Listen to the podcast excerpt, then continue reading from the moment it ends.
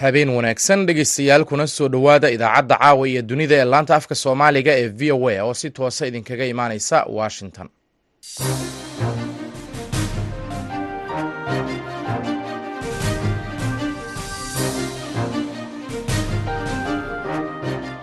waa fiidnimo isniin ah. Bisha disembar waa sagaal iyo toban sanadka labada kun iyo labaiyo labaatanka.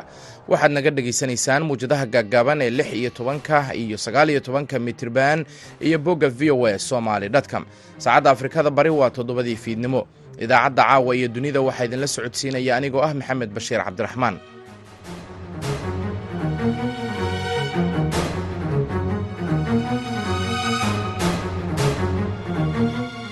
qodobada aad ku dhegaysan doontaan idaacadda caawa iyo dunidana waxaa ka mid ah waraysi aanu la yeelannay guddoomiyihii hore ee baarlamaanka soomaaliya maxamed mursal sheekh cabdiraxmaan oo ka hadlaya xaaladda siyaasadeed ee maamulka koonfur galbeed. Ani waxay la tahay baarlamaan markaas fadhiya muddo ma kororsan karo. Waa xasuustaa annaga labadii kun iyo kow iyo labaatankii waxaan ka hadlaynay doorashaa dib loogu noqonaa ogiye dhawaaq cad oo aan nidhi muddo mudda yani waxaa la kordhiyey muddo ma jirin. Waxaan kaloo idiin haynaa warbixin ku saabsan xuska maalinta muhaajiriinta caalamiga ah xilli ay sii kordhayaan dadka ka imanaya koonfurta qaaradda ameerika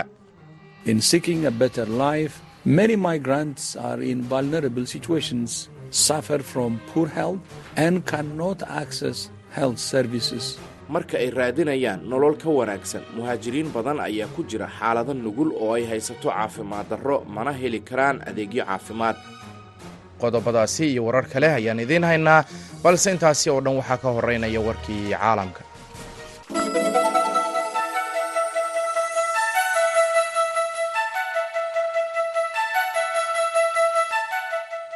kumanaan qof oo dibadbaxayaal ayaa isniinta maanta isugu soo baxay waddooyinka caasimadda suudaan iyagoo diidan heshiis hordhac ah oo lagu doonayo in lagu soo afjaro qalalaasaha siyaasadeed ee dalkaasi ka taagnaa tan iyo markii militarigu ay talada la wareegeen sannadkii hore dibadbaxayaasha dimuqraadiyadoonka ah ayaa ka soo horjeeda heshiiskii shantii bishan ay kala saxiixdeen hogaamiyeyaasha militariga iyo kuwa rayidka ah dibadbaxayaasha ayaa ugu yeeraya militarigu inay xeryahooda dib ugu laabtaan banaanbaxa maanta ayaa ku soo beegmaya sanad guuradii afaraad ee ka soo wareegtay markii uu bilowday banaanbaxyo waaweyn oo dalkaasi bilooyin ruuxayay kuwaasi oo ugu dambeyn bishii abril ee labada kun iyo sagaaliyo tobankii xukunka looga tuuray hogaamiyihii dalkaasi cumar xasan al bashiir suudaan ayaa waxaa ka dhacaya banaanbaxyo asbuuclo ah tan iyo markii cabdilfataax al burhaan uu xukunka la wareegay sannadkii hore ruwanda ayaa isniinta maanta ah sheegtay inay soo dhoweyneyso go'aanka qaadi ku sugan london oo ku sheegay in qorshaha dowladda ingiriiska ee muhaajiriinta ay ugu musaafurinayso dalka ku yaalla bariga afrika uu yahay mid sharci ah. Afhayeenka dowladda ruwanda yolandi makolo ayaa u sheegay wakaaladda wararka a f b in dowladdiisu ay soo dhoweyneyso go'aanka ayna u diyaarsan tahay in dadka magangelyo doonka ah ay siiso nabadgelyo iyo fursado nolol cusub ay kaga bilaabaan gudaha ruwanda socdaalkan caadiga ahayn ayaa ah arrin siyaasadeed oo kulul ku ah dowladda ingiriiska oo ballan qaaday inay adkeyn doonto xuduudaha dalkaasi kadib markii waddanku uu ka baxay midooda reer yurub. Sida uu qorshuhu dhigayo dowladda ingiriiska ayaa rajeynaysa in qof walba oo dalka u k ku soo gala si aan sharci ahayn iyo kuwa dalkaasi soo galay ilaa kowdii bishii janaayo ee sanadkan inay u dirto ruwanda heshiiska ayaa waxaa maalgelinaya dowladda u k oo bixinaysa lacag dhan boqol afartan iyo lix milyan iyadoo khubaradu ay sheegayaan in tani ay xoojinayso sumcadda ruwanda ayna hoos u dhigayso walaaca ku saabsan rikoorkeeda xuquuqda aadanaha ugu dambeynna maxkamadda sare ee sweden ayaa isniinta maanta ah ishortaagtay in saxafi turkish ah oo dibad joog ah loo gacan geliyo turkiga taasi oo ka mid a dalabaadka muhiimka ah ee ankara soo jeedisay si ay u ansixiso xubinnimada stockholm ee ka mid noqoshada isbahaysiga neto maxkamadda ayaa bayaan ay soo saartay ku sheegtay inay jiraan caqabado dhowra oo ku horgudban celinta tafaftirihii hore ee wargeyska zaman daily. Bulint kenis kaasi oo turkigu uu ku eedeeyey inuu ku lug lahaa isku daygii labadii kun iyo lix iyo tobankii lagu doonayay in xukunka looga tuuro madaxweyne rajab dayib erdogan maxkamadda ayaa intaa ku dartay in qaar ka mid ah eedaha ka dhanka ah kenis aysan dembi ka ahayn gudaha sweden taasi oo ay u dheer tahay nooca siyaasadeed ee kiiska iyo sharcinimadiisa qaxoot iyo sharciyadiisa qaxootinimo ee sweden kuwaas oo dhiibistiisa ka dhigay mid aan suurtagal ahayn kennes oo hadda u shaqeeya xarunta xorriyadda ee stockholm ayaa oo ah urur ay aas-aaseen shakhsiyaad dibadjoog turkish ah ayaa u sheegay wakaaladda wararka a f b inuu ku faraxsan yahay go'aanka maxkamadda isagoo ku tilmaamay eedaha ka dhanka ah inay yihiin kuwo uu dhoodhoobay maamulka erdogan. Ankara ayaa hakisay doonista sweden ay ku rabto inay xubin kaga noqoto midooda waa isbahaysiga neto iyadoo doonaysa in loo gacan geliyo qaxootiga turkish kurdishka ah iyo kooxo kale oo turkish dibad joog ahaan ugu nool dalkaasi sweden. Warkii dunidana dhegeystayaal waa naga intaa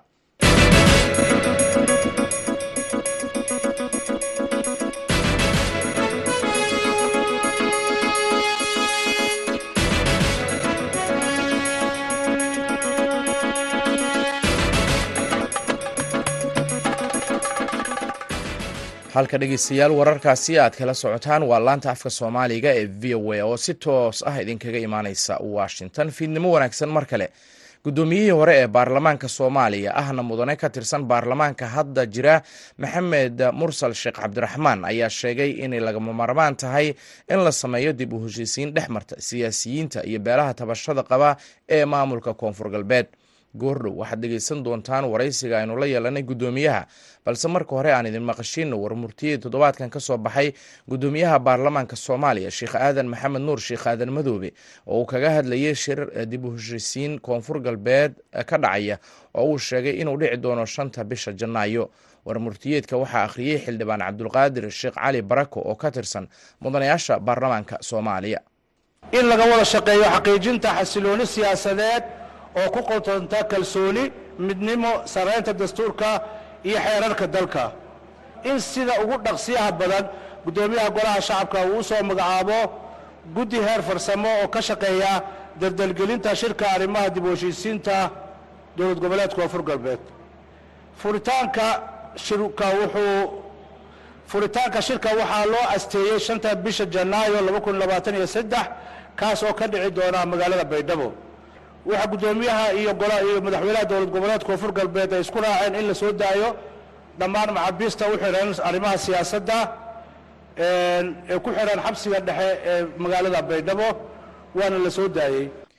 Kaasina wuxuu ahaa xildhibaan cabdulqaadir sheekh cali barako oo ka tirsan mudanayaasha baarlamaanka soomaaliya haddaba falastiin axmed iimaan ayaa khadka telefoonka kula xiriirtay guddoomiyihii hore ee baarlamaanka soomaaliya maxamed mursal sheekh cabdiraxmaan waxaana ugu horeyn uu uga waramayaa sida uu arko xaaladda siyaasadeed iyo amni ee ka jirta maamulka koonfur galbeed.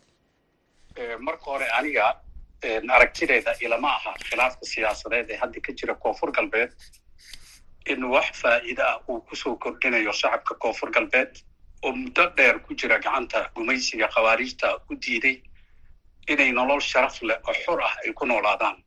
Islamarkaasna qof walba ay maanta ogtahay in khawaarijta ay shacabkaasi ku nool deegaanadaas koonfur galbeed ay ka hor istaageen. Wax walba oo noloshoodii asaas u ahaa ilaa iyo haddana ay ku hayaan cunaqabateen noloshooda dhinac walba saamaysay. Sida la og yahay tiro badan oo shacabkaasi ka mid a way waxay ku qasbanaadeen inay deegaanadoodii isaga soo cararaan oo meel walba maanta ay ku sugan yihiin ay ku dayacan yihiin. Marka aniga waxaan aaminsanahay dib u heshiisiin dhab ah oo si toosa loo wajaho in wax walba oo khilaafa jira lagu xallin karo markaan u noqdo dib u heshiisiintii uu iclaamiyey guddoomiyaha golaha shacabka mudane sheekh aadan maxamed nuur aadan madoobe waxaan u arkaa inay muhiim tahay loona baahan yahay in laga dhabeeyo marka waxaa sheegtay khilaafka khilaafka yuu u dhexeeya maxaase ay tahay dib u heshiisiinta yaa loo sameynaya dib u heshiisiinta dib u heshiisiinta waxaa loo samaynayaa nidaamka hadda talada haya iyo siyaasiyiinta digili mirafleh iyo qabaa'ilada deegaanka oo qaarkood wax ka tabanaya maamulka ayaa loo samaynayaa dib u heshiisiinta guddoomiye waxaa jirtaa in baarlamaanka koonfur galbeed uu iswaafajiyey muddada jiritaankiisa iyo kan madaxweynenimada oo ka dhigaysa shan sano taasoo sanad hor allaha ugu dareysa madaxweynaha hadda xilka haya cabdicasiis lafti gareen oo maanta ay ugu ekayd oo sagaal iyo toban ah. Sidee u aragtaa arrintaas ani waxay la tahay baarlamaan markaas fadhiya muddo ma kororsan karo. Waa xasuustaa annaga labadii kun iyo kow iyo labaatankii waxaan ka hadlaynay doorashaa dib loogu noqonaa ma ogiye. Dhawaaq cad oo aan nidhi muddo mudda yani waxaa la kordhiyey muddo ma jirin. Waxaa waaye baarlamaan markaasi kursiga ku fadhiya qaab uu muddo u kororsado. Nin madaxweyne oo xukunkii markaas ay muddo kororsaday taas meel badan oo ay ka dhacday oo hadda la ma jirto waxay la tahay muddadaasi muranaa ku jiro. Marka anigu waxaan kula aan kula talinayaa cabdicasiis laftagareen afar sano oo meesha madaxweyne ka ahaa. Sanadkan oo yani siyaasiyiintii iyo dadkii deegaankii iyo dadkii oo dhan ay u arkaan inayna macquul ahayn sanadkan inuu ku darsado oo uu shaqeeyo. Waxaan kula talin lahaa muran iyo dood waxba gelin. Afar sano waxaa qabatayna way muuqdaan. Haddii a wax qabateen ahla wasalan haddii kalena waxaan dhihi lahaa siyaasiyiinta soomaaliyeed khaasatan dadka deegaanka ka soo jeeda isugu yeer waxaad tidhahdaa ciddaa rabtaan doorta. Haddii aad tartamaysidna markaad tartan. Kaasina wuxuu ahaa guddoomiyihii hore ee baarlamaanka soomaaliya maxamed mursal sheekh cabdiraxmaan waxaana uu waramayey falastiin axmed iimaan waxaa kale oo v o a u suurto gashay inay waraysi la yeelato guddoomiyihii hore ee baarlamaanka maamul goboleedka koonfur galbeed cali siciid faqi oo haatan ka tirsan baarlamaanka federaalk ah ee soomaaliya. Caashe ibraahim aadan caashe cuud ayuuna khadka telefoonka ugu waramay wuxuuna ugu horeyn ka hadlayaa muddoxileedka madaxweyne cabdicasiis laftagaren ma aha muddo kordhin waxay ahayd in maaragtay laiswaafajiyo waktiga ay wada joogayaan afartii sannadood madaxweynihii iyo maaragtay baarlamaankii koonfur galbeed soomaaliya. Marka waxaad leedahay muddo kororsi ma ahayna waxay ahayd arrin farsamo oo aad wax ku saxayseen oo aad u aragtid inay ahayd sharci. Haddana sharci tahay. Absolutely. Haddana sharci tahay. Sharci ay ahayd sababta waxay tahay waxaa jirtaa in maaragtay madaxweynihii markii la doorto. Haddana muddo lix bilood ayaa wuxuu ku mashquulayaa sidii loo soo xuli lahay. Baarlamaankii asaga bede baarlamaankii cusbaa kii asaga doorta baa kan kalow bedeli lahaa.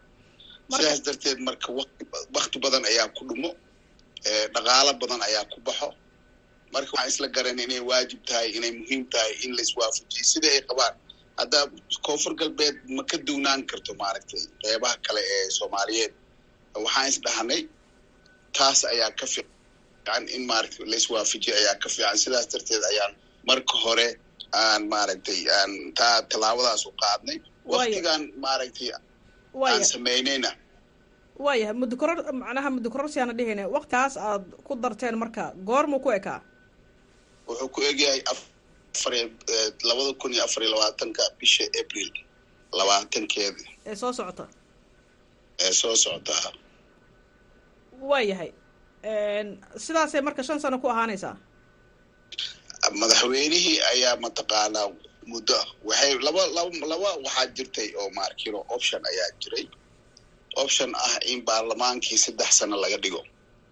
Iyo ama option ah madaxweynihii hal sano soo qaatay oo baarlamaankii soo dhisay sanad loogu daro. Marka fikirka waxaa batay in madaxweynihii sanad loogu daro laakiin waa technical sidaan kuu sheegay. Marka marka arrintan ilaa labada kun iyo afarta ku eg waa tii madaxweynaha in uu si sharciya xilka ku sii haynayo koonfur galbeed. Ah afar ku eg sanadka laba kun afar iyo labaatanka. Ah. Waa sanad iyo dheeri ha hadda soo socota. Sanad iyo afar bilood oo hadda soo socota waayo. Waayahay cali fiqi mar kale waxaan rabaa guddoomiyaha baarlamaanka sheekh aadan maxamed nuur sheekh aadan madoobe ayaa maalmahan waxa uu ku howlanaa arrin dib u heshiisiina oo uu ka dhex waday dhinaca koonfur galbeed. Sidee u aragtaa? Horta runtii dib u heshiisiinta ereyga dib u heshiisiin la yidhaahdo maaragtay waa erey maaragtay aada confusion badan u dhaliyo. Haddii ay tahay maaragtay political oo dib u heshiisiin ah siyaasadeed siyaasiyiin baa la heshiisinaya adba waa aragtaa haddii maaragtay dad isqabsado oo siyaasiyiin isqabsadaan. Badanaaba waxaa waaye reconciliationkaas wuxuu ku saabsan yahay reconciliation siyaasadeed waayo waa power sharing. Dowladdii waxay leeyihiin intaasoo wasiir hanala siiyo intaasoo wasiir qoladan hala siiyo taaba maaragtay ayaa horta ay noqonaysaa markiros dib heshiin siyaasadeed taasa ayaa ila muuqato. Tan kale waxay tahay maaragtay hadda dadkii oo dad fara badan oo xildhibaano ah ayaa jagooyinkooda waayey oo maaragtay doorashadii ugu dambeysay. Haddii la leeyahay dadkaas iyo dadkii hadda jooga ayaa laisu keenaya oo la leeyahay maaragtay idinkii ayaa ladin dhexaadinaya weji kale waay. Marka anaga aniga shaksi ahaan cali ahaan ujeedada maaragtay dib heshiinta siyaasadeed ma aanan fahmin hadday tahay laakiin in shacbiga la dib loo laisu keeno dadka isdhibaateeya inay maaragtay laisu keeno la wada heshisiiyo waa wax fiican. Midda kalena waxaa kaloo muhiima iyada nafteeda dagaala la galayaa oo shabaaba lala dagaalami doonaa goordhow. Marka iyadana taa haddii lagu heshinaayo la leeyahay wal siyaasiyiinta iyo fikradaha kala duwan halaisu keeno halkan ay hal meel ka istaagaan la dagaalanka shabaab. Taa iyadna waa arrin kaloo iyadna la fahmi karo marka maadaama aan ajendihii dib heshiinta aanan maaragtay aan la arkin waxa uu ka kooban yahay la arkin nin walba sibuu qaatay. Marka kolley waan rajaynaynaa bisha shanteeda january baa la yiri la isugu imaanaya. Markaas ayaanu arki doonaa ajendaha iyo wixii laga hadlaya hadduu ilaha irado waxaad soo ahayd guddoomiyihii baarlamaanka koonfur galbeed. Haddana sida wararka nagu soo gaarayaan waxaad u sharaxan tahay inaad mar kale noqotid guddoomiyaha baarlamaanka ee maamulka koonfur galbeed soomaaliya. Maxaa arrintaa ka jira? Siday nagu soo gaarayaan? Ma waa warar hadda official ah soo baxay aan ogahay. Ama aniga xaggey ka soo baxeen ama qof kale ka soo baxay aan ogahay official dowladda koonfur galbeed mahay marka sida aad hadda u qaadatay oo ah in maaragtay wararka laisla dhexmaraya iska ahaato. Marka waa jirtaa iyo ma jirto midna kuma jawaabi kartid. Maya maya waa tahay aad baad mahadsantaha wax kale oad ku darayso oo ad jeclaan lahayd inaad ka hadasho oo ku saabsan siyaasadda iyo arrimaha ka taagan koonfur galbeed. Ma jira cali saciid waxaan dhihi lahay runtii maaragtay muhiimadda waxay tahay qofka rabo inuu maaragtay u tartamo madaxtinimada waddankan. Mas'uuliyad baa isagana saaran. Mas'uuliyadda saaran waxay tahay in maaragtay nabadda deegaanka doorashada ka dhici maaragtay ay ay khalalaasa ka abuurin in maaragtay meeshii laga shaqeeyo sidii magaaladii ay u degnaato laga shaqeeyo si maaragtay isku dhac aan u dhicin maaragtay in meeshii timaado qof kastoo mas'uuliyaddiis uu qaato aanan ahayn dowladda keliya in wax kasta laga sugo noqoto maaragtay qof kastoo mas'uul ah oo xukun rabo isagana maaragtay meeshiis mas'uuliyaddiisa ka soo baxo ah in deegaankan nabadiis uu ka shaqeeyo. Kaasina wuxuu ahaa guddoomiyihii hore ee baarlamaanka maamul goboleedka koonfur galbeed soomaaliya. Cali siciid faqi oo qadka telefoonka ugu warramayay caashe ibraahim aadan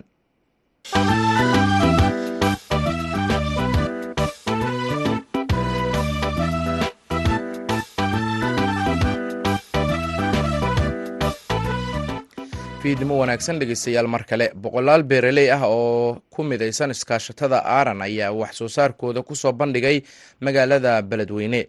Beeraleydan oo ku nool waqooyiga beledweyne ayaa sheegay in inta badan wax soo saarkooda waa in inta badan waxa ay soo saaraan lagu isticmaalo gudaha magaalada beledweyne oo aanay meel kale u iibgeynin bandhigan ayaa waxaa ka qayb galay beeraley tiradoodu gaarayso laba boqol sideetan iyo sagaal xubnood oo beeraley ah cabdulaahi cali faarax oo ah guddoomiyaha ku-xigeenka iskaashatada beeraleyda aaran ayaa wariyaha v o a ee beledweyne xuseen xasan dhaqane waxa uu ga waramay ujeedada bandhigooda iyo waxyaabaha ay soo saaraan.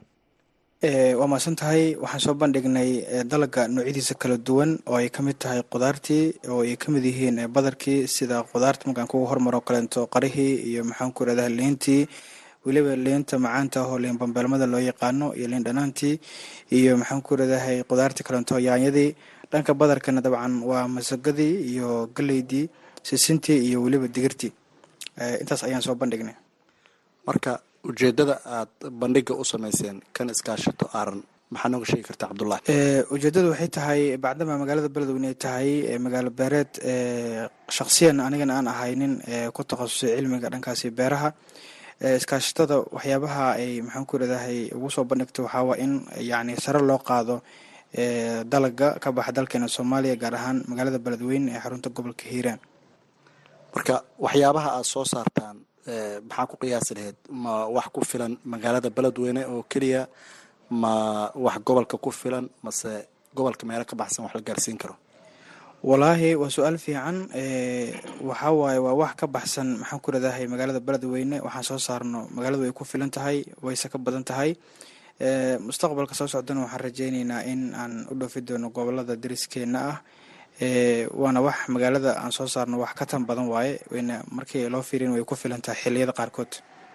Marka meeshaan cid idinku taageerto hawshan haddii ay noqon lahayd hay'adaha dowladda ama dowladda soomaaliya iyo hay'adaha kale ee dhinaca horumarka ka shaqeeya.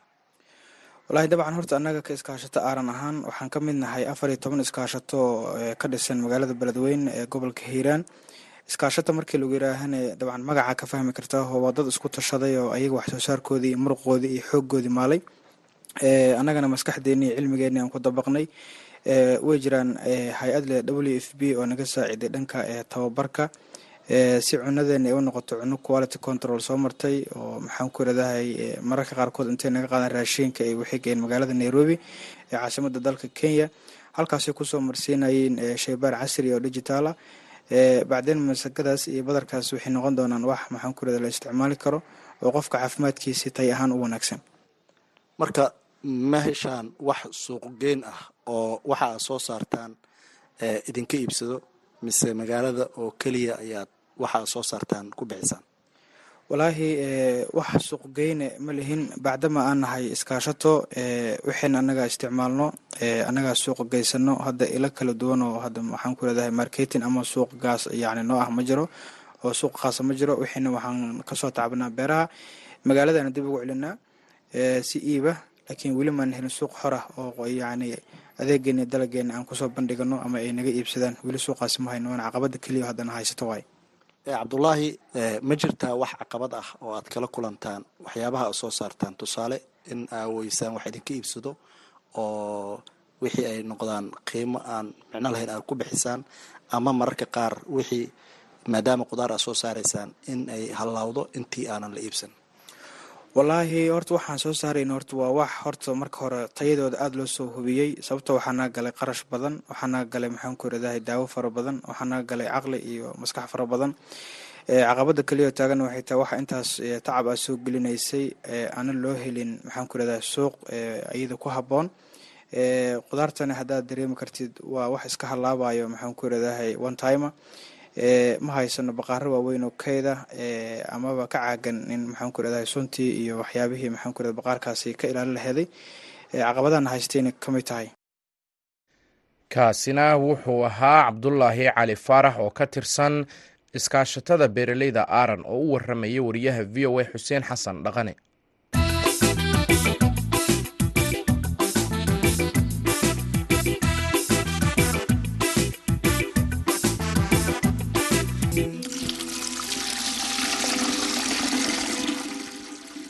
qaramada midoobay ayaa axaddii xustay maalinta caalamiga ee muhaajiriinta taasi oo lagu muujiyey dowrka waxtarka leh ee boqolaal milyan oo muhaajiriin ah kuwaasi oo caqabado kala kulmay kahayaamidda dalalkooda si ay nolol wanaagsan u helaan.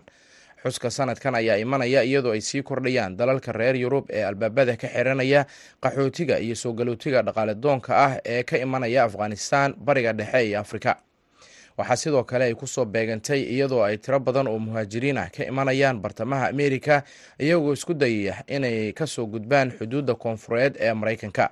Warbixin ay liisa shlein ka soo dirtay geneva watan qaramada midoobey ayaa sheegtay in dadku aysan si iskooda uga tegin dalalkooda. Waxa ay sheegtay in inta badan labada boqol iyo siddeetanka milyan ee qof ee muhaajiriinta caalamiga ah ay isku horimaadyo cadaadis saboolnimo aad u daran iyo isbeddelka cimilada ee sii xumaanaya ay ku qasbeen inay dalalkooda ka haajiraan muhaajiriin badan oo aan haysan hannaan sharci ah ayaa adeegsada marino khatar ah oo ay ku tegayaan dalalka magangelyada bixiya.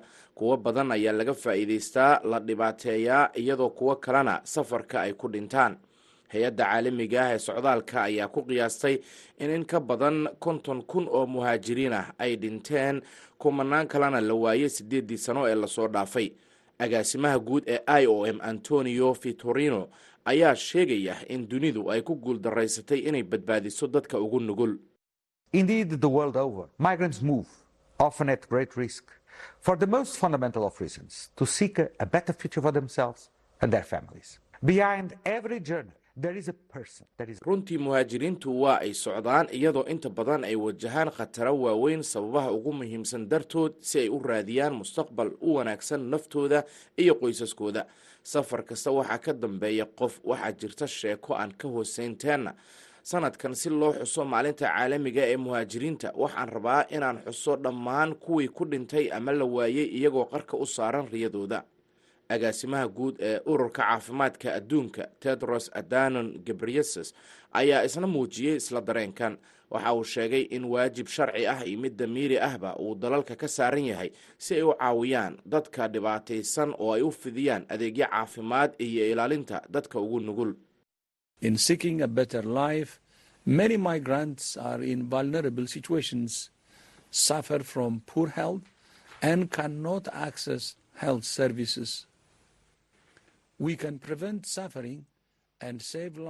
Marka ay raadinayaan nolol ka wanaagsan muhaajiriin badan ayaa ku jira xaalado nugul oo ay haysato caafimaad darro mana heli karaan adeegyo caafimaad. Waxa aan ka hortegi karnaa silaca oo aan badbaadin karnaa nolosha annaga oo taageerna waddamada si loo dhiso nidaamyo caafimaad iyo daryeel adkaysi leh kuwaasi oo aas-aasi u ah baahiyaha muhaajiriinta qaramada midoobey ayaa sheegtay in xuquuqda muhaajiriintu ay tahay xuquuqda aadanaha ayna tahay in la ixtiraamo iyadoo aan la takoorin. Xuquuqahaasi ay qaramada midoobey sheegtay inay qusayso iyadoo aan loo eegin in muhaajiriinta lagu qasbay inay qaxaan amaba ay si iskooda uga haajireen dalalkooda. Warbixintii lisa shalain ayay ahayd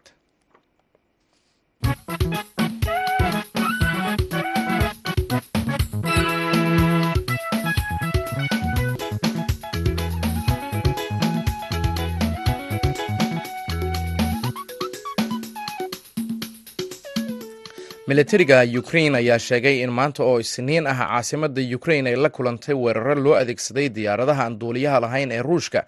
Arrintan ayaa ku soo beegantay saacado kadib markii madaxweynaha dalkaasi volodimir zelenski uu dib u cusboonaysiiyey baaqiisii ku aadanaa xulafada neto si ay gacan uga geystaan xoojinta difaaca hawada ukrain warbixin ay v o edu diyaarisay kana qortay arrintan waxaa soo koobaya xuseen barre aadan. Ciidamada ukrain ayaa isniintii maanta soo riday sagaal diyaaradood oo nooca aan duuliyaha lahayn ee lagu magacaabo shaahid oo iiraan ay samaysay ee uu ruushku adeegsado. Militariga ukrain ayaa sidaasi ku sheegay barta ay ku leeyihiin telegramka. Ruushka ayaa marar badan u adeegsaday diyaaradaha aan duuliyaha lahayn si ay u weeraraan kiyev iyo magaalooyinka kale ee ukrain qaybo ka mid ah burburka diyaarad daroon ah ayaa lagu arkayey dhismo ruushku uu ku burburiyey weerar ay u adeegsadeen diyaaradaha aan duuliyaha lahayn. Madaxweynaha ukrain zelenski ayaa ku sheegay muuqaal uu baahiyey xalay in difaaca hawada uu mudnaan joogtaa u leeyahay maamulkiisa. Oksana markrova oo ah safiirka ukrain u fadhida washington ayaa u sheegtay warbaahinta maraykanka ee a b c news inay muuqato khasaaraha dhalan kara marka aanu jirin difaac ku filan hawada.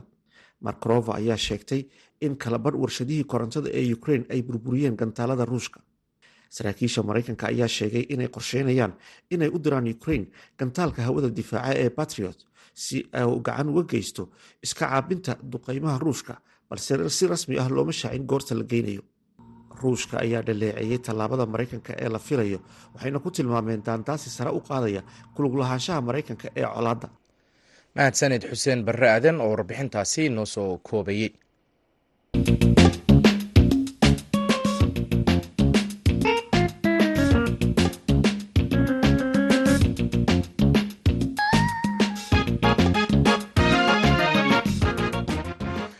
wadahadaladii dhexdhexaadinaysay ciraaq ee u dhexeeyey iiraan iyo sacuudi arabiya ayaa hakaday sababo la xiriira eedeymaha tehraan ee ah in boqortooyada ingiriisku waa boqortooyada sacuudigu ay kaalin ku leedahay kicinta dibadbaxyada ka dhacaya dalkaasi.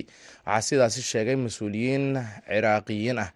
Warbixin ay qortay wakaaladda wararka a p waxaynoo soo jeedinaysaa caashe ibraahim aadan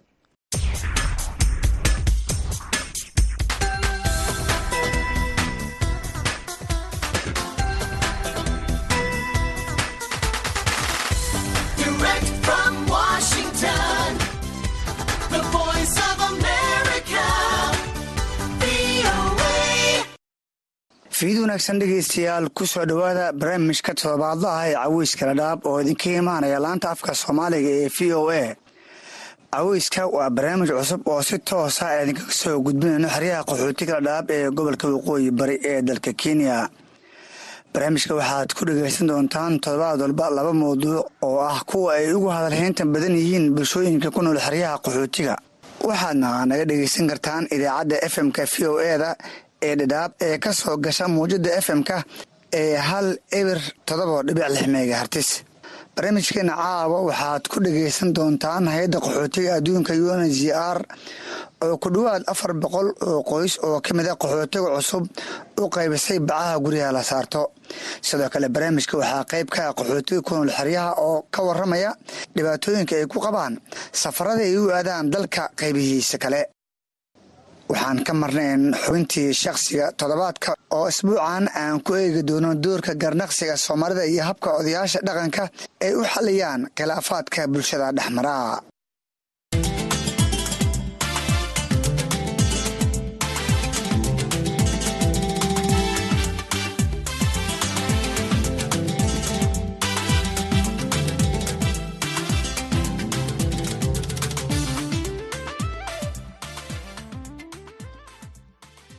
barnaamijka waxaa idinla socodsiinaya. Aniga ah cabdisalaan axmed cabdisalaan salas waxaan ku bilaaban doonaa hay'adda qaxootiga adduunka u n h c r ayaa bacaha guryaha la saarto u qaybisay ku dhowaad afar boqol oo qoys oo dhowaan soo gala xeryaha radhaab ee gobolka waqooyi bari kuwaas oo ka soo barakacay abaarta ka jirta deegaano badan oo ku yaalla koonfurta soomaaliya.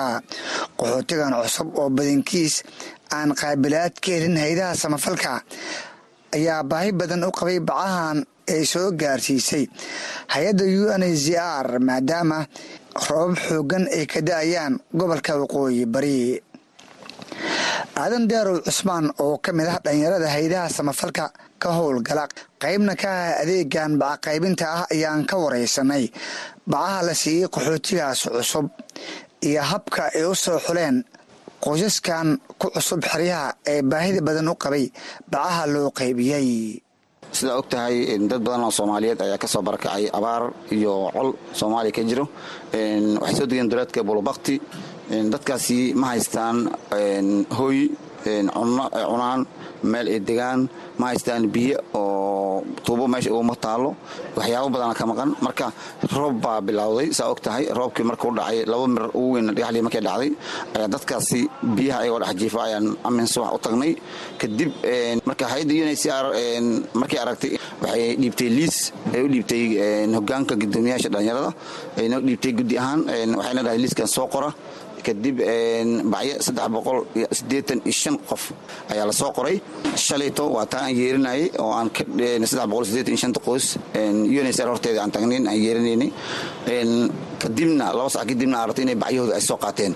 Waa tahay aadan baahida ka jirto goobtaasoo ay badan tahay. Listigan aad aad ku soo qorteen dadkan aad u qaybiseen bacahan qaabkeebaad u soo kale xulateen saa ogtahay cabdisalaan markaad tagta duleedka bulubakti waxaad arkaysaa dad isku mid ah. Qaarkooda laakiin bacyaan siinay oo way kala horreeyeen. Bacyaan kuwii dhallinyarada oo isqabanqaabiya ka horreeyey. Marka liis baan wadanay kuwii aan siinay waan garanaynay. Kuwan kalena oo weli waxba helin aan soo qornay iyaga naftooda. Dadkii waxay ku wada jiraan calgaroob oo geedo algaroob udbaha garanaya malayna soomaaliya algaroob ahaan inay soo gurteen ay bacyo saarteen marka dhib badanaa meesha ka jira roobkii iyo iyo guri la'aantii iyo rafaadkii ayay fadhiyaan. Marka waxaan fiirinay qofka suu u weyn yahay kaarka intuu yahay kaarar weyn qaar kaarar weyn fiican ahayn qaar kaarar yar ahayn laakiin ha ahaato laakiin naftooda way iska baahnayeen baahida boqolkiiba siddeetan waa isku mid. Marka intaan gaarsiin karno wax gaarsiin karno ayaan soo xulannay kadibna halkan ayaan ku qaybin. Aad bay u yar tahay bacahan aad qaybiseen oo u n z r idiin soo wakiilatay marka loo ogay baahida jirto. N maxay tahay marka sababaha loo laayahay adeeg intaas ka badan. Saa og tahay dhaqaalihii aska yar sannadkii waa dhammaanaya uncr dhaqaalo mahayso adduunka wax ka dhacay qaxooti meel kasta waa qaxooti. Dadkan hadday soo barakaceen marka haddaa aan fiiriso dhaqaalaha bixin jirtay uncr gaabis aa ku dhacay way gaabisay. Ruush dagaalkii markuu dhacay waa og qaxooti badanaa afganistan qaxooti badanaa jiraan.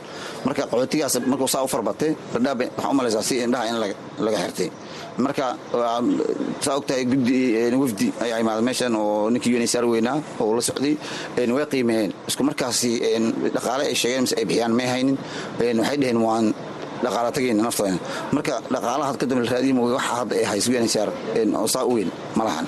Saddex boqol iyo siddeetan iyo shan qoys waa intaasaan aan siinay bacya. Marka laakiin way kala weynaayeen kaarkas u kala weynaa lixla ka bilaabato labalaba baa waayo waxaa laga yaabaa lixlihii in qof qaangaar uu ku jiro oo gurigii duqda dhex seexan karin oo ay yihiin qol in loo dhiso oo bacay oo loo saaro ay helaan. Marka ka bilaabato kowle ilaa shanle oo kale inay isla seexan karaan oo marka hal bac oo kale la siin karo oo reebka ay ka galaan. Laakiin waxaan waan wax roobkeed in laga isheero ay tahay laakiin guri permanent iyo waxba macan dhisin waxba kale loo macan karo kaasin wuxuu ahaa aadan deerow cusmaan oo ka mid ah dhallinyarada ka shaqaysa haydaha samafalka oo igu warramay gudaha xeryaha dhadhaab ee gobolka waqooyi bari. Dhinaca kale qaar ka mid a qaxootiga cusub ee nasiibka u yeeshay bacahaasi ka yimid xafiiska u n z r ayaa ka mahad celiyey bacaha loo qeybiyey maadaama la soo gaarsiiyey xilli baahi badan ay u qabeen qoysaskan oo ku xoolo beelay. Abaarta ka dhacday koonfurta soomaaliya ayaa waxay yihiin kuwa ku nool guryo ka samaysan baco iyo cooshado kuwaas oo aan xamili karin rababka xooggan iyo kuleelada ka dhacaya guud ahaan gobolka waqooyi bari. Qaar ka mid a haweenkaasi bacahaasi ka faa'iidaystay ayaa u waramay barnaamijka cawiijka dhadhaab weli sheeqow cabdili libaax alxamdu alshukru ilaahan ku mahadnaa. Idinku mahadnaa walaalahayna madlunka ah marka bacyaalan daraad nala sii magan alla jasaakalla haddana dhibaato haddii ilaahay hawaaroon yahay haddii wax taraysa waana haysataa biyaha maanta ay nagu jiraan unbaa haddana roobka isnaga feeri haddana kolley ilaahay wixiiskeena alxamdu alshukru marka inaa hadda naloo soo rabnaa wax walbo waa u baahannahay guryaha halkaan u baahannahay raashiinkaan u baahana dharkaan u baahannahay. Marka haddii ilaahay raalli ka noqdo saana aan rabnaa walaalaheenna muslunka ah waa tahay waxaad noo sheegtaa halkaaad ka soo barakacday iyo noloshiina markii hore waxaan ka soo barakacnay gobolaha oo bu-aala xaggeeda ah marka beeraaley aan ahayn beeraaleyda beerihii waa naga abaarsadeen xoolihii waa naga dhammaadeen sifadaasaan inta u soo galnay marka saasaa jirta. Waa tahay hooyo qoyskaaga mise ruux ayuu ka kooban yahay? Toddoba ruuxaan ku qoobannahay oo ilmo yaryar ah laba ruuxna waxaa intan xagga joogayba iga dhinteen bacyo anta baahi baan u qabni. Hadda hadda nalagu soo darana ma diidayna. Ani naftirkay xaasad badanaan ahay waa u baanahay haddi liigu soo daro. Marka haddii ilaahay raalli ka noqdo magan alla hooyada magacayga waa ciyaado aadan abshir waxaan ka soo kacay saakow markaan inta imaaday buushkan dhisti bacaan saartaan waayey oo liigu siiyey oo liigu caawiyey aadu aad ayaan ugu mahad celiyey dadkii isiiye waa tahay adiga maxaad ka heshay unsr bacun baahi badan u qabay oo dhibeysnaa roob xilligiisa la joogo oo biyo badan ay i haayeen waa tahay qoyskaaga imse ka kooban yahay? Waxaan ka koobannahay sideed ruux baahida u qabtay bacda lagu siiyey ka war? Baahida bacda roob badanaa i oo biyaan dhex fadhiyey alaha soomaaliya siiye oon ka ashayra hadda oon oga mahad celinayo dadkii i siiyeen horaan markaa wax gargaar ah. Marka laga tago bacdan haydaha ma ka heshay? Markii hore maba helinba hadda leen helay bacda kuwaasna waxay ahaayeen codadka qaar ka mid a haweenka qaxootiga cusub ee loo qeybiyey bacahaasi oo ka mahad celiyey. Bacahan deeqda ah ay u qaybisay heedda u n h r dhinaca kale cabdi kibaare xasan oo ka mida barakaayaasha cusub ayaa hay'adda u n h r ka dalbaday in la ballaariyo caawinta samafalka ee la siiyo qaxootiga cusub isagoo sheegay in baahiyo badan ay ku nool yihiin taasoo u baahan in si degdeg ah looga jawaabo halkan qaxootigan yaan ku soo baranqaacnay saddex bilood ayaan jooga. Marka dhibaatooyin fara badan ayaa jirta roobab badan ayaa daayay taas oo hadda cid naga caawisay marka aan jirin oo mar dhow naloo keenay bacayoon oo yar. Bacaya ayaga dad kuma filno halhal xabo iyo dad u gaartay qoyska badanna waa badan yihiin qoysaska qaar. Marka dad aan helin anigaaba hadda ka mid ah waxbaa jirtaa weliba dhilmaayo iyo waxbaa dad hadda kuley soo zaa'iday shuban iyo waxbaa jira. Marka hay'adaha way ku mahadsan yihiin maadaama hadda ay noo soo bilaabeen bacyooyinka badan. Laakiin weliba baahayo ayaa sii jira. Bacooyinkaas ayagaa way yar yihiin. Waxaa kaga sii daran cuntina lama haayo hooye lama haayo bacya lama haayo bii lama haayo musqulo lama haayo. Marka bannaanka ayay ku saxaroonaya ayagoo weliba hadda shuban biyood aad u soo daran uu soo bilowday. Marka baayooyinka badan waxaan hay'adaha ka codsanaynaa in ay arrinkaa naga soo gaaraan oo naloo caawiyo. Insha allah hadduu ilaahay diidin arriminkaas baa hata aad u jira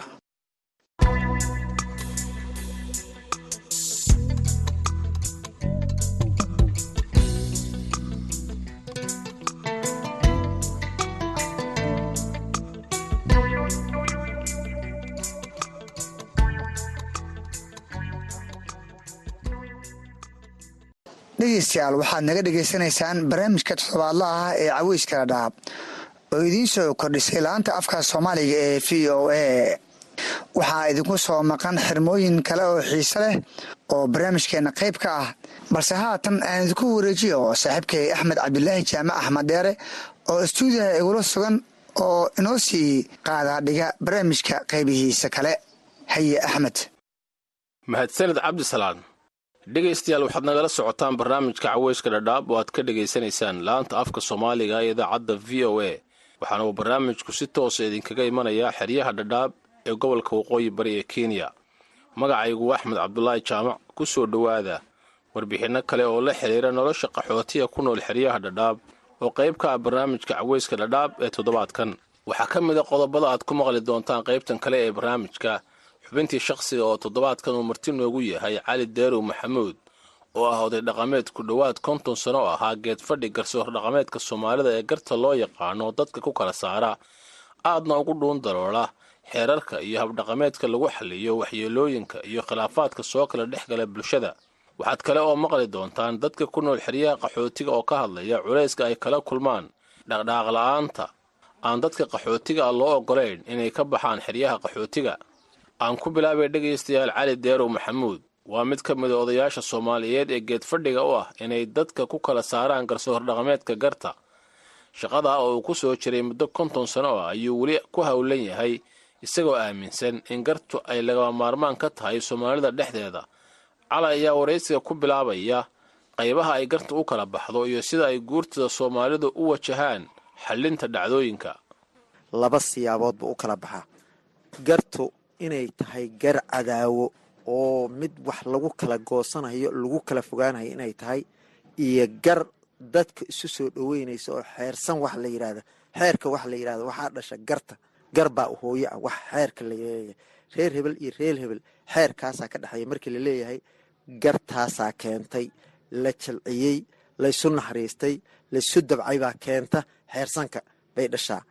Tan kalena waxay dhashaa cadaawad soo jireen ah oo labadaas qabiil ku kala fog yihiin oo wax allaala wixii soo dhex maraba ay ku kala cadgoostaan baa gar cadaawo la yidhaahdaa labadaa nooc bay kala tahay. Sidee gar cadaawe laba beelood dhexdooda ay mar walba u yeelan karaan dad gar cadaawe ku kala goosta? Sideese laba qoys ay xeersan u samaysan karaan? Labada shay markaad ka hadlayso marba kii wanaagsan baa la soo hormariyaa. Garta garta sokeeyaha ah waxay ku timaadaa cafi iyo masaamaxaad ka timaada qofka wax laga haleeyey bay ku timaadaa asalkeeda. Xeersan baana la yidhaahdaa saasay ku timaadaa asalkeedana qofka dhibaatada la gaarsiiyey bay xaggiisa ka timaadaa hadhow marka la allaa qofkaas haddii qofkii markaa wax geystay mar kale ay wax dhex maraan xeerkii asaga ahaabaa lagu guuraa. Waxaa lagu maahmaahaa ama xeer gooyo ahaw ama xeer ku guur ahaw ma laga yaabaa xeerkaa labada qof bilaabeen oo isku cafiyeen oo isku wanaajisteen inuu saameeyo bulsho badan ama laba beelood oo aad u badan in dhexdooda uu wanaag ka beero oo kaasi uu noqdo xeer lagu dhaqmo oo la dhaho dadkaa waxaan leenahay xeersan. Geedka marka laysugu imaado oo gartaa la falayo waaba laysugu abaal sheegtaa oo hebel waagii gartii saas iyo saas iyo saas ahayd. Geedkii aan ku qaadnay soo saas iyo saas walaalayaalow kumaana kala qaadanin baa timaada waxayna u gudubtaa markay shaksi ka bilaabato waxay u gudubtaa qoys way ka sii gudubtaa qabiilay u gudubtaa. Way ka sii gudubtaa. Waxaa laga yaabaa in ay saamayso soomaaliya oo dhan. Baa laga yaabaa gartaas xeersanka ah. Gar cadaawa haddii lagu dhaho axmedow waa garta waxaa bilaaba cadaawadda lambar kow waxay ka bilaabataa inkiraad wax la yidhaahdo. Asalkeeda meeshuu ka bilowda halkaas waaye. Marka waxay noqonaysaa in macnihii waxaa waaye lagu kala cadgoosto oo aan waxba laysugu hambayn gar cadaawaa la yidhaahdaa badanaana dadka ay dhex marto waa dad wax isku inkiray oo aan waxba isu ogolayn hadday wax isu ogol yihiin gar cadaawo ma timaado xeerkan u yaalla beelaha oo ay ku kala baxaan oo ay sidoo kale dhahaan xilligaasaan xeerkaasaa noo dhexeeyey ha noqdo mid xun ama ha noqdo mid fiican sideebuu ku dhaqan galay oo waxaan qornayn oo saxiix lahayn oo qoraal meel yaalla iyo marjac loo noqdo lahayn? Sidee beelaha dhexdooda uga noqon karaa mid lama taabtaan oo lagu dhaqmo? Maasha allah axmed waad mahadsan tahay. Hadda saacaddan aan hadlayna meesha aan ku noolnahay bay-ada aan joogno waa xagardheer xagardheer beelo badan oo kala kaan abaa degan waxa weeye mag bay kala qaataan mawlaxay kala qaataan dhinac walba bay u macaamiltamaan. Ha u macaamiltameene laba beelood oo ay ka dhexayso inay macnihii waxaa weeye hashii geela ahayd shan kun ku kala qaataan baa degan labo laba iyo toban kun ku kala qaataanna way degan tahay. Labadaa beelood xeerkooda isku mid ma aha marka. Waxaa waaye marka xeerkaas oo aan qornayn waxaa dhaqan geliya xeer beegtida ay qabiiladaas ka soo jeedaan baa dhaqan gelisa. Marka markay geedkaa ka kacaanna marjac waxaa la gaarsiiyaa saqiir iyo kabiir. Beesha uu ka soo jeedo qofka xeer macnihii xukunka riday qabiilkiisana wuu gaarsiinayaa ree hebel xeerkaas iyo xeerkaasaan la leenahay ree hebel xeerkaas iyo xeerkaasaan la leenahay saasuu ku dhaqan galaa marka. Waa wax la wada og yahay oo beesha ka dherigsantahay arcada weynu joognaa oo meeshii qiraalma yaallo oo labadii qof ways qabsadeen oo anigu waxaa ma samayn iyo waa i yeesha iyo kuma yeelin bay taagan tahay waxna la ysuma reebanin. Dadkiina waxaa la rabaa xeerbeetiga inay go'aan gaaraan. Sidee bay ku xaqiijinayaan in qof kalenu qaldan yahay kana uu saxan yahay? Maasha allah axmedow horta xeer beegtidow fadhigaas ayada ah xukun kuma rido waxay raadiyaan xog xogo kaley raadiyaan way baadi doonaan. Xogahaas kale baa waxaa laga yaabaa inay soo helaan. Arrintii caddaynteeda inay soo helaan baa aad u suurtagal u ah. Waxaa khasbiyan ah qofkaas jaraaxada ku taallo inaan la duutin xaqiisa. Bay raadiyaan xeerbeegtidu mar kasta. Dhib hadduu yimaado dhabaqa meel ma leh. Waa macnihii maahmaah soomaali. Adiga kacali ahaan goormo ayaad bilowday toddobaatan iyo saddex sanaa jirtaa xilligee bilowday in aad ka mid noqoto dadka loogu yeedho xaajooyinka ama garaha tolka? Ama tololka kale ee loo loo arko inuu yahay nin guurtiya ood gartaa wax badan ka qaban kara maasha allah axmedow horta waxay soomaali ku mahmahdaa rag isfaanshay ri isnuugtay baa ka roon. Macnaha anigu ahaantayda shakhsiyadayda markaan iska soo qaado markii aan jiray shan iyo labaatan sano iyo hadda oo toddobaatan iyo saddex sano aan jiro weligay ninka gar ka faaruqay ma ahi. Hadda saacaddan aan kula hadlaayo meelaa layga yeerayaa oo garteeda la rabaa oo gar weliba guur ku saabsiisan ay tahay. Marka maadaama aan aniga shakhsiyadayda aan saas ahay shakhsiyaad badan oo badan oo badan oo xagar dheer igula nool oo guurti ah oo aan talada iyo tusaalada wadaagno oo aan isku xirannahay oo aan macnihii meesha aan ka qaldanahayna iga toosiyo meeshii ay ka qaldan yihiinna aan ka toosiyo mar walbana aan wada xiriir leenahay baa waddanka ku nool. Garaha sideedaba garta ugu adag ee marka qofka guurtiga ah ee garta gooya loo keeno oo layidhahdo maanta gartaasaa taalla laga yaabo inuu ka naxo adaygeeda iyo culayska ay leedahay. Waa tee garta ugu adag oo rag isaga hor imaado. Waa garta rubadda qof muslin ah ku go'da oo laysku inkiro. Garta ugu adag waayo. Waana naf go'day oo maqan oo la yidhi mabaana arag ama mabaana dilin. Inkirkaas isaga ah waxa weeye waxyaalo badan buu kala fogeeyaa mid caloosha ku jira oo aan markaasba ifka joogin waxaa laga yaabaa mustaqbalka inay gaarto. Waa garta ugu xun ugu adag oo dad isku nacaan. Hadda meeshaan joogno mandaqadanaan joogno waxaad ka mid tahay odayaasha garta gooya kiisaska iyo dhibaatooyinka dhaca iyo dhacdooyinka dhaca. Intaa idinku xallisaan iyo inta lagu xaliyo ama maxkamad ama saldhigga booliiska boqolkiiba meeqaad idinku xallisaan haddaa odayaal tihiin boqolkiiba meeqase waxa xaliya dowladda. Axmedow horta inta xunxun oo macnihii dadxunka oo dhan wanaagga ma jecla. Way baxaan saldhiggaasay tagaan markay saldhiggaas tagaan oo ay dacwoodaan oo dowladda saldhig gacantii dowladda ay u tagaan waxaa la yidhaahdaa marjac baad leedihiin. Marjiciinni u noqda marjici annagoo macnihii tala iyo tusaale ka haysan waxba arrintiinu kama qaban karno. Ayagoo la xiray oo macnihii waxaa weeye xabsi mutaystay ba waxaa laga yaabaa in adigii laguu soo diro lagu yidhaahdo orodoo u tag oday dhaqameedkaadii arrintaada ha xalliyo kaasi waxa uu ahaa cali deerow maxamuud oo ah oday dhaqameed gargooye ah oo marti iigu ahaa xubinta shakhsiga oo qayb ka ah barnaamijka caweyska dhadhaab ee toddobaadkan. Dadka muddada soddonka sano ka badan qaxootiga kuwa xeryaha dhadhaab looma oggola inay xeryaha ka baxaan oo uma safri karaan magaalooyinka kale ee dalkan kenya. Arrintaa ayaan ah culayska ugu weyn ee haysta qaxootiga dhadhaab. Maxamed khaliif axmed oo ka mid a dadka muddada dheer ku noolaa xerada xagardheer ee qaxootiga dhadhaab waxa uu ka hadlayaa noloshiisa xeryaha iyo caqabadihii uu ka soo maray. Xagadheer gaari la deji gaari ugu horreeyaan ku jiray ee wan baa liigu dejiyey nantug bishii lixaad inay ahayd baan rajaynaya. Halkaas halkaasaa lii dejiyey. Markaan soo gala nin yar baan ahaa soddon jir baan ahaa soddon iyo laba sana meelahaasaan jira haddana lixdan iyo kow sanaan jira xeradan xagadheer waxaan ku noolahay soddon iyo kow sana sagaal iyo toban ciyaal igu dhalatay canugii wiilkii iyo gabadhii halkaan aan la soo degay laba reer baan la soo galay labada reer mid midna waxaa u weynaa gabarh baa u weyneed midna waxaa u weynaa wiil. Labadii wiil wiilkii gabadhi gabadhi waxay haystaa sagaal ciyaal ah. Wuxuu haystaa shan ciyaal oo haystaa. Raggi aan ku dhalay baa carruur ku sii dhalay. Ilmihii awowga anu ahaabaa hadda iskuulka dhigto qaarkood mataqaanaa galaas fo galaas galaas fayf ah. Soddon iyo kowkaas aan ku noolaa dhibaatooyin badan baa xeryaha ka soo marnay mar shubta ina rafaadin jirtaa jirtay. Mar qaxootiga yacni sida arigoo kale in loo oodo. Dhammaajana lagu ooday. Casarkii ma garanaysaa qoraxda dhicinba albaabada loo xiri jiraa soo jiray. Wax badan baan ka marnay dhibaatooyin baan ka soo marnay. Alxamdulilah hadda waxaa weeye waa waa nabadgelyo waan haysanaayoo wixii waa laga soo gudbay. Maxamed khaliif ayaa barnaamijka caweyska dhadhaab u sheegay in culayska ugu weyne uu hadda dareemayo uu yahay socdaal la'aanta iyo inaanu ku dhex safri karin dalkii uu ku qaatay inta badan noloshiisa. Soddonkaas sano waxaan u malaynayaa hal mar baan taraabultu ku mida qaatoon aan aaday nairobi.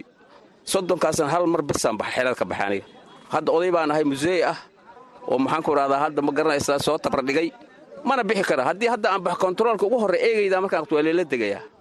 Taraabultugu mindigu naftiis waa adag yahay oo mataqaanaa ma fududo. Haddii aad raasatid waa adag yahay marka dhibaatada ugu weynoo hadda aan cabanaya nabadgeli dara kama cabanayo oo nabadgelyo waa haysanaa carruur waa ku dhalnay kenya abaal baa naga haynaa waa dalkeenni labaad muddo badan baan ku noolayn aad iyo aad baan ugu mahad celinaynaa dowladda kenya balse wax dhibaatadan haysta waxaa waaye dhaqdhaaqa la'aan ma socon karno socod ma leh. Alyan baan haysanaa sharcigii mataqaana waxaa noola sheegay kabaandhaha iyo alyanka in labada dowladda kenya ay bixiyaan wasaaradda arrimaha gudaha inay bixiso qaybta kabaandhaha bixisa inay alyankana bixiso. Waxaa naloo sheegay macnaha alyanka qofkii la siiyo. Waa sharciga waddanka. Hase yeeshee doorashana inaadan soo istaagi karin oo mataqana aan lagu dooran karin. Aadnan wax dooran karin oo mataqaana aad mataqan kuura ridaynin. Laakiin inta kale oo kabaandhaha qabtuu qabana inaad ku ganacsan karto inaad leysan ku goosan karto inaad waddanka meeshaad doonto mari karto inaad meeshaad doonto ka shaqaysan karto. Sidaasaa naloo sheegay markaan qaadanay balse nafsisdarrada jirta waxaa waaye geedkaa kuma gaari kartid kontaroolka hore lagula dega waa lagu xiri. Haddaad ku baxdid. Marka dowladda kenya waxaan ka codsanaynaa oo mataqana namartigelisay oo soddon sana aan ku noolnahay carruur aan dhaleen. Waxaan ka codsanaynaa inay maata dhaqdhaqaaq naloo furo. Khadar xasan waa nin dhallinyaro ah oo ganacsi ku leh xerada xagar dheer. Waxa uu sheegay in socdaal la'aantu ay saamayn ku leedahay ganacsigiisa maadaama aanu tegi karin kana soo adeegan karin magaalada nairobi oo ay uga yimaadaan telefoonada gacanta iyo agabka korontada oo uu iibiyo. Niyu caqabad weyn waaye. Bay ku leedahay ganacsigeena. Dhankan safarada markii la dhaho oo la aadayo magaalooyinka kaleeto oo wadanka ah si loo soo adeegto. Dhibaatada nagaas waxaa tahay waddada ma mari karto adoo sharci wadanin. Sharcigana oo alinka ah haysanana ma shaqaynayo waa in travel travelkina waa wax xadidan ama maalmo ama waa wax feel loo gelayo ama waa wax lacag lagaga qaadanayaba aan lagu siinin firi. Saa darteed dhibaatadas weyn baana haysata xaggaa naga haysata aniga waxaan ku jira ganacsigan muddo toban sana ah. Tobankaas sanana way ugu adagta inaan baxo. Qof xagga joogo inaan dirsado ma ogeeye inta badan ma baxo. Maxaa u bixi waayena? Waa sharci daradaas sharci la'aanta darteed. Dadka ku nool xeryaha qaxootiga oo u badan dhallinyaro ku dhashay xeryaha ayaa in ka badan soddon sano ka dhur sugaya dowladda kenya inay siiso. Xaquuq ka badan ta ay hadda haystaan oo uu socdaalku ka mid yahay.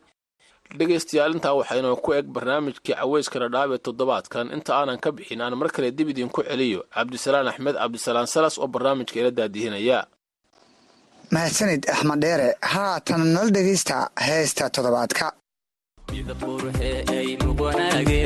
Inagoo midaa oo mataana markayna cabkeennu maqlaa.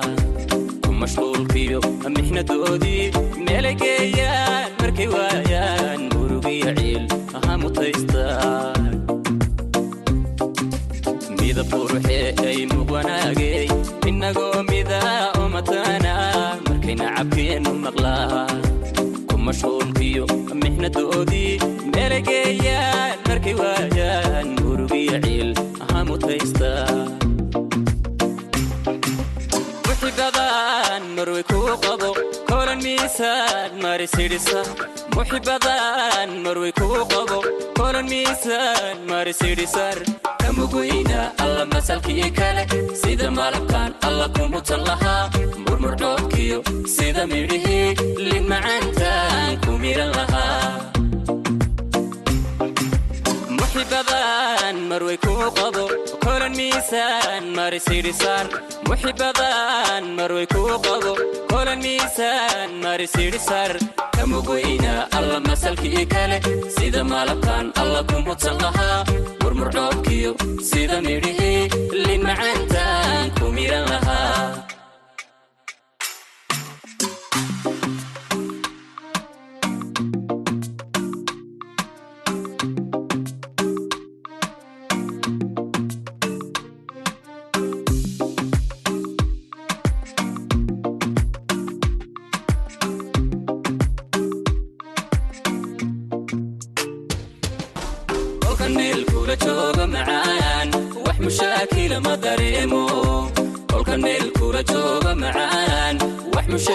mushaakila ma dareemo wan maqsuuda markan ku arko miyirkaygaad micinu taho muftaxadiga u ahmaanko maskaxdaydan alla mulkiyo degay.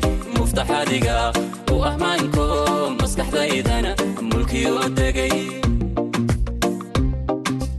Kolkan meel kula jooga macaan wax mushaakila ma dareemo kolkan meel kula jooga macaan wax mushaakila ma dareemo. Wan maqsuuda markan ku arko miyirkaygaad micinu taho muftaxadiga u ahmaanko maskaxdaydan alla mulkiyo degay. Muftaxadiga u ahmaanko maskaxdaydana alla mulkiyo degay. Mudantaan dumarka madhay midigtaan midigtaan bidixda ka maarmayn mudantaan dumarka madhay midigtaan midigtaan bidixda ka maarmayn dadka maragiyo oo makhraatiya inagoo mida aan mushaaxnoon kima sayrana ma huraaney maxsalaamaynta aanu muujinno kima sayrana ma huraaney maxsalaamaynta aanu muujinno mudantaan dumarka madhay midigta midigtaan bidixtaa ka maarmayn mudantaan dumarka madhay midigtaan midigtaan ka maarmayn dadka maaragiyo oo makhraatiya inagoo mida aan mushaaxnoon kimasaydhana mahuraaney max salaamaynta aanu muujinno. Kimasaydhana mahuraaney max salaamaynta aanu muujinno. Max aanu muujinno intaas waxay nooga dhan barnaamijkeena fiid wanaagsan ee dhadhaab ee caawa. Aad baad u mahadsantihiin dhegaysigeena ciddii uu dhaafay barnaamijkan iyo qofkii ii doonaya macluumaad dheeri ah wuxuu ka heli karaa boggeena internetka ee v o a somaly news dt com. Waxaad kale ood ka heli kartaan ciwaanada aan ku leenahay baraha bulshada sida twitterka instagram iyo facebook barnaamijka waxaa idinla socodsiinaya anigoo ah cabdisalaan axmed cabdisalaan salas iyo saaxiibkay axmed cabdulaahi jaamac axmed dheere oo ku sugan xeryaha ladhaab ee gobolka waqooyi bari